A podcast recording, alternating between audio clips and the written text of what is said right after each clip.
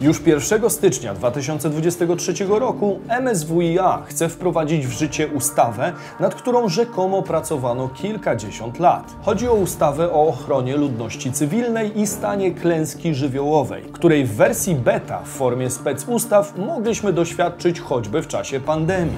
Tak, projekt tej ustawy jest wyjątkowo drastyczny. Z tak drastycznym ograniczeniem mm, wolności nie spotkaliśmy się jeszcze chyba po 1989 roku. Czy ta ustawa realnie chroni Polaków, czy powstała po to, aby odebrać nam kolejne swobody obywatelskie? W jaki sposób przymusowa praca, wyburzanie mieszkań czy zamykanie firm bez odszkodowań miałoby poprawić nasze bezpieczeństwo? Oraz co dokładnie będzie mogła nakazać nam władza od przyszłego roku i które zmiany są pozytywne, a które wręcz niepokojące. Sprawdźmy to. Bizon.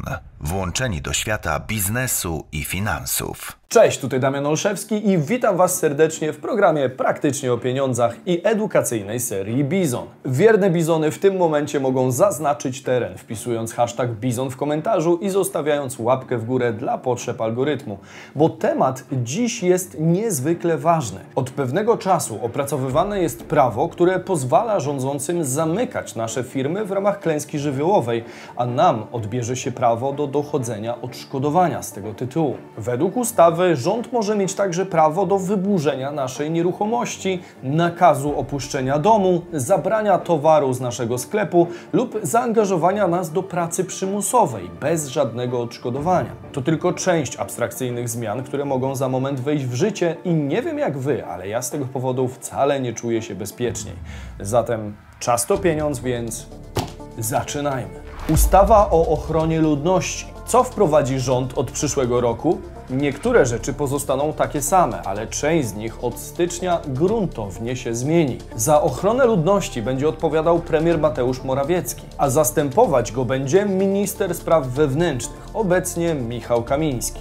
Przy premierze działać będzie Rządowy Zespół Zarządzania Kryzysowego. Obecnie jest to ciało doradcze, a po zmianach ma być to zespół inicjujący i koordynujący ochronę ludności w Polsce. Zatem RZZK będzie mógł podejmować m.in. decyzje dotyczące uruchamiania sił zbrojnych Rzeczypospolitej w przypadkach niecierpiących zwłoki. Jak to dokładnie zostanie wykorzystane? Nikt tak naprawdę nie wie. Znaczne poszerzenie kompetencji będzie także dotyczyć ministra spraw spraw wewnętrznych. Zwiększy się znaczenie szefa MSWiA, który zamiast likwidowanego Rządowego Centrum Bezpieczeństwa będzie miał do dyspozycji służbę dyżurną państwa. Nowy szyld, stare zasady. Pan Kamiński przejmie także kontrolę nad krajowym systemem ostrzegania i alarmowania, a przede wszystkim nad alertami RCB wysyłanymi SMS-em. I tutaj pojawia się kolejny potencjalny problem. Co prawda alerty RCB otrzymujemy zwykle w sprawie zjawisk pogodowych. Natomiast pytanie Pytanie brzmi, czy nie można wykorzystać ich również w innym celu, na przykład w celu zachęcenia obywateli do uczestnictwa w wyborach samorządowych czy sejmowych. W rękach polityka o konkretnych interesach takie narzędzie mogłoby oznaczać wysyłkę SMS-ów na przykład wyłącznie do regionów sprzyjających danej partii. Tym samym dodatkowa aktywizacja wyborców w ten sposób mogłaby mieć miejsce tam, gdzie jest to korzystne dla władzy, czy też najbardziej potrzebne z racji wyników w sondażach. W innych regionach mogłaby przecież w tym samym czasie powstać jakiegoś rodzaju awaria, a SMS-y wcale by nie dotarły. To oczywiście daleko idące domniemania, a nie fakty. Natomiast chciałbym, abyście po tym filmie byli w stanie zrozumieć, jakie możliwości otwierają konkretne narzędzia, o których będzie mowa. To nie znaczy, że zostaną one tak czy inaczej wykorzystane, ale jak to z narzędziami? Nożem można zarówno posmarować sobie kromkę chleba masłem, jak i kogoś poważnie zranić. To zależy od intencji właściciela danego narzędzia, a tu chyba sporo obywateli może mieć pewne obawy. Minister Spraw Wewnętrznych dostanie także do dyspozycji Państwowy Fundusz Celowy Ochrony Ludności z budżetem na poziomie 0,1 PKB rocznie. W 2023 roku minimalny budżet centralny funduszu to miliard złotych. 50% budżetu trafi do wojewodów, a 50% pozostanie w rękach MSWiA. Minister Kamiński czy też jego następcy będą także organizować obronę cywilną podczas wojny w roli szefa obrony cywilnej kraju. Trzeba przyznać, że jak na jedną osobę wybieraną nie przez obywateli, a przez partię rządzącą, to naprawdę spore kompetencje. Podsumowując, budżet, obrona cywilna, służba dyżurna państwa i RCB będzie do dyspozycji jednego ministra. Nowe prawo wprowadzi także trzy stany podniesionej gotowości zamiast obecnego jednego. Pytanie, co na to konstytucja? Ustawa wprowadzi dwa nowe stany podniesionej gotowości i zaktualizuje trzeci. Ten trzeci już jest ujęty w polskiej konstytucji, jednak dwa pierwsze według wielu ekspertów prawa, m.in. radcy prawnej Anny Kubali czy konstytucjonalisty doktora Kamila Stępniaka, są sprzeczne z konstytucją. Nie, ta ustawa nie jest zgodna z konstytucją. To jest kolejny nielegalny bubel, który będzie ograniczał nasze prawa. Te trzy stany podniesionej gotowości będą wyglądać następująco. Na początek mamy nowy stan pogotowia, czyli poziom niższy. Wprowadza go szef MSWiA lub wojewoda na maksymalnie 30 dni. Przedłużyć lub odwołać go może jedynie premier lub minister. Dalej mamy nowy stan zagrożenia, poziom wyższy. Wprowadza go premier, gdy ten pierwszy jest niewystarczający na maksymalnie 30 dni. Podobnie jak w stanie niższym występuje na całym terytorium Polski lub w jego części. W tym stanie premier, szef MSWiA lub wojewoda mogą wydawać polecenia, m.in. samorządom i przedsiębiorcom. O tym za moment. I jako trzeci stan mamy istniejący już stan klęski żywiołowej, czyli poziom najwyższy. Wprowadza go rozporządzeniem Rada Ministrów na maksymalnie 30 dni z możliwością przedłużenia za zgodą Sejmu. Będzie istniała możliwość wprowadzenia ograniczeń wolności lub prawnych i jednostek bez osobowości prawnej. I tutaj pojawia się już naprawdę spory problem, bo enigmatyczność przedstawienia powodów, w jakich władza może dojść do wniosku, że sytuacja jest niekorzystna, może być naprawdę naprawdę wiele i te zapisy pozostawiają spore pole do nadużyć. Można wszystko pod te takie y, niekorzystne warunki, czyli pod zwrotnie korzystne warunki w sumie można y, wszystko podrzucić, tak podjąć.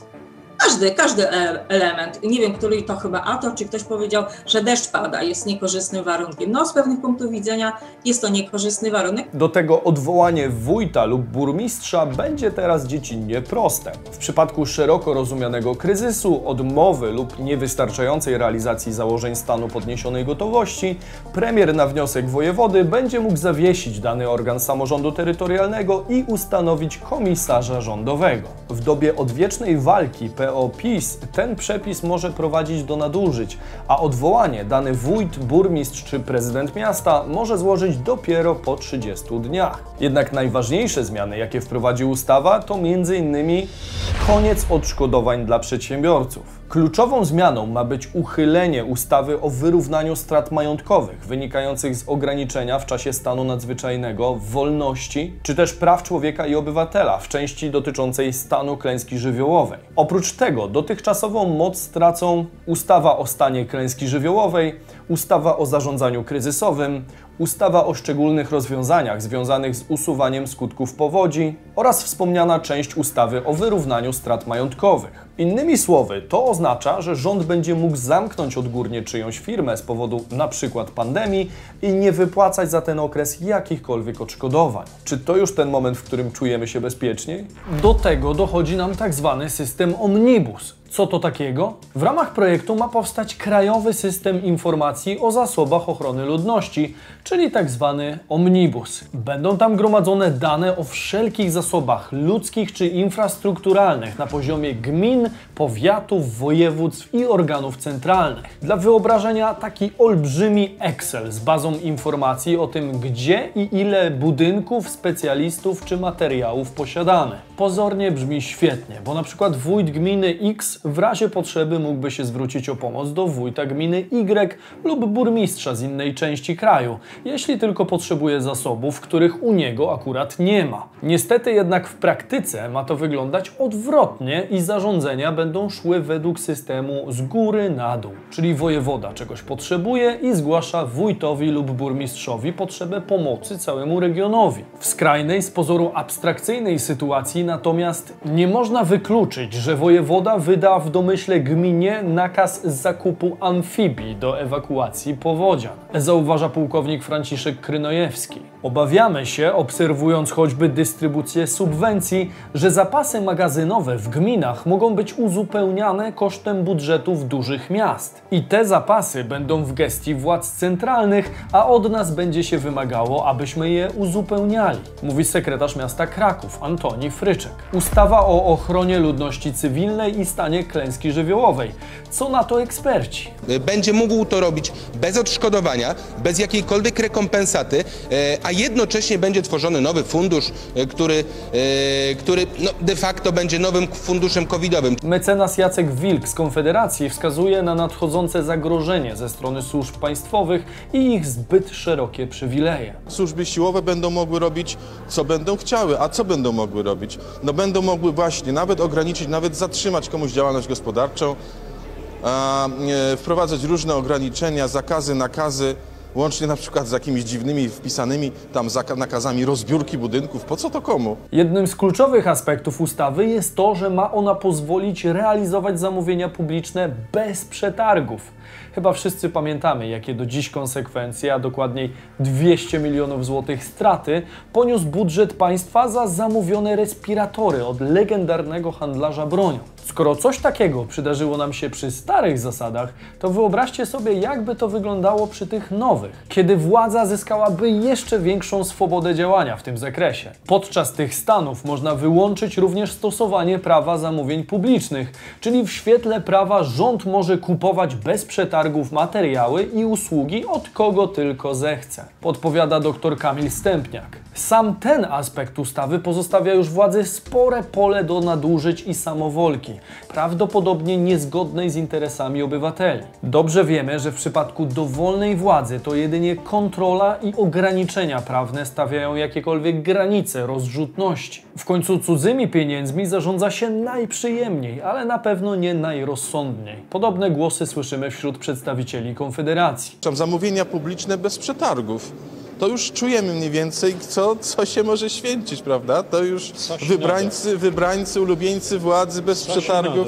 Tak, sasinada, bardzo słuszne określenie. Już y, przy ulubieńcy władzy przebierają nogami, gdzie to bez, żadnych, bez żadnego konkurowania uczciwego w przetargach czy licytacjach będą mogli e, spijać śmietankę z różnych zamówień publicznych. Swój sprzeciw na Twitterze i krytykę przepisów wyraził także Artur Dziambor, szczególnie wobec artykułu 42 o ograniczeniu wolności i praw człowieka. Tarcza antykryzysowa, tarcza antyinflacyjna, ustawa o obronie ojczyzny, a teraz ustawa o obronie ludności.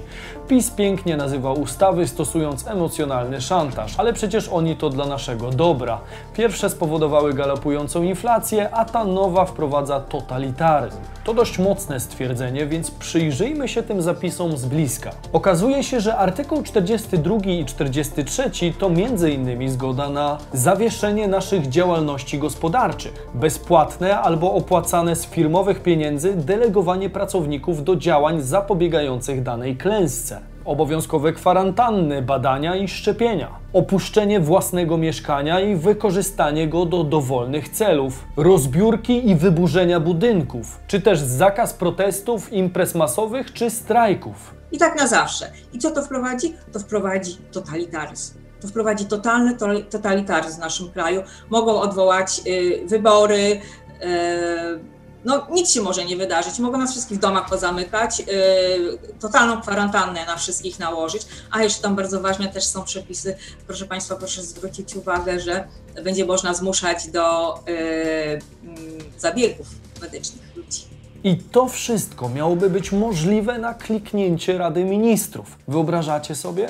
Czy już czujecie się bezpieczniej? Dajcie znać w komentarzu. Pytanie zatem, jak tego rodzaju przepisy można wykorzystać w praktyce? Jak władza może wykorzystać te przepisy? Przykładową, kuriozalną, ale prawdopodobną sytuację opisuje pani Anna Kubala. Czyli po prostu premier wstaje, zimno dzisiaj, mało węgla, wprowadzamy stan yy, zagrożenia na terenie całego kraju.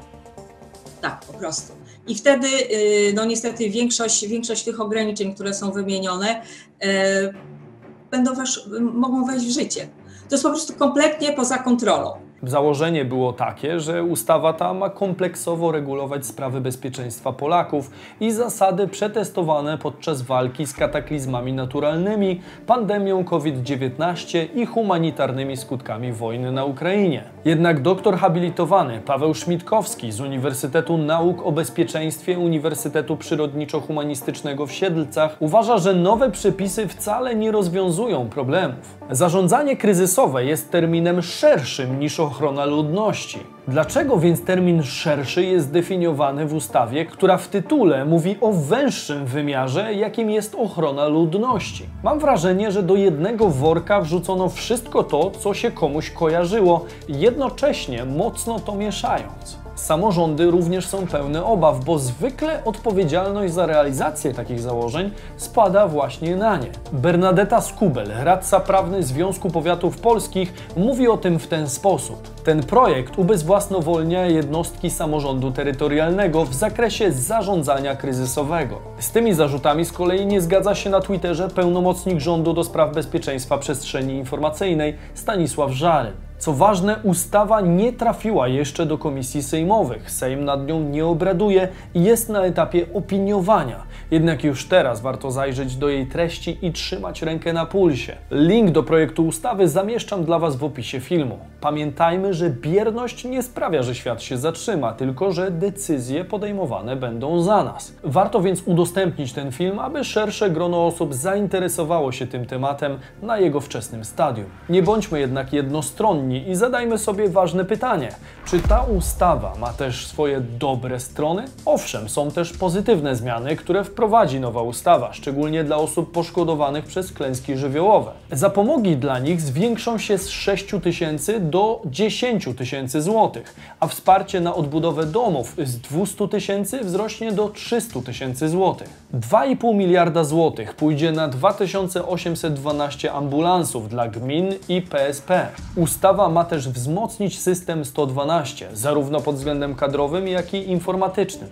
Do tego 450 tysięcy uczniów ze szkół średnich ma skorzystać z minimum 40 godzin lekcyjnych o pierwszej pomocy. Tego rzeczywiście nigdy za wiele, jeżeli zajęcia będą realizowane w odpowiedniej jakości i z należytą starannością. Bo jak cofnę się pamięcią do czasów szkolnych, to różnie z tym bywało. Niech te dobre aspekty nie przysłonią nam jednak ogromu negatywnych zmian, jakie wprowadza ten projekt. A przede wszystkim znacząco zbyt szerokiego wachlarza możliwości, jakie oddalibyśmy w ręce władzy. W końcu mówimy tu chociażby o ministrze spraw wewnętrznych, który ma swój budżet i to nie mały i dostęp do wojska. Premierze, który może odwoływać samorządowców i umieszczać na ich stanowiskach komisarzy, czy też braku jakichkolwiek odszkodowań za wyburzenie nieruchomości, pracę przymusową czy zamykanie naszych firm. Do tego typu zmian żaden kataklizm nie powinien nas przekonać, bo poziom nadużyć z tym związanych może być zatrważający. Jak sądzicie, czy ta ustawa wejdzie w życie? A jeżeli tak, to w tej czy w zmienionej formie? Dajcie znać w komentarzu. Pamiętajcie też, że dowolna władza ma pewnego asa w rękawie, który polega na tym, że startujemy ustawą z wysokiego C, czyli wprowadzamy tam absurdalne wręcz zapisy, wszyscy się wtedy burzą, nie ma społecznej akceptacji dla danej ustawy, a później ustawodawca wyciąga z tego kolejne cegiełki, sprawiając wrażenie, jakby ta ustawa w tym momencie naprawdę była już czymś ciekawym. Nie dajmy się zwieść takim psychologicznym sztuczkom, bo to, że władza czy ktokolwiek inny przyjdzie do nas najpierw po cały nasz majątek, a później stwierdzi, że zostawi nam hulajnogę, to nie znaczy wcale, że powinniśmy się z tego powodu cieszyć. Więc jeżeli kompromisy, to na naszych warunkach. Wiernych bizonów proszę o hashtag bizon pod filmem i wsparcie w udostępnianiu tego materiału i nagłaśnianiu sprawy, która dotyczy przecież nas wszystkich. Tymczasem do zobaczenia w kolejnym odcinku Bizweek już jutro o 15. Cześć!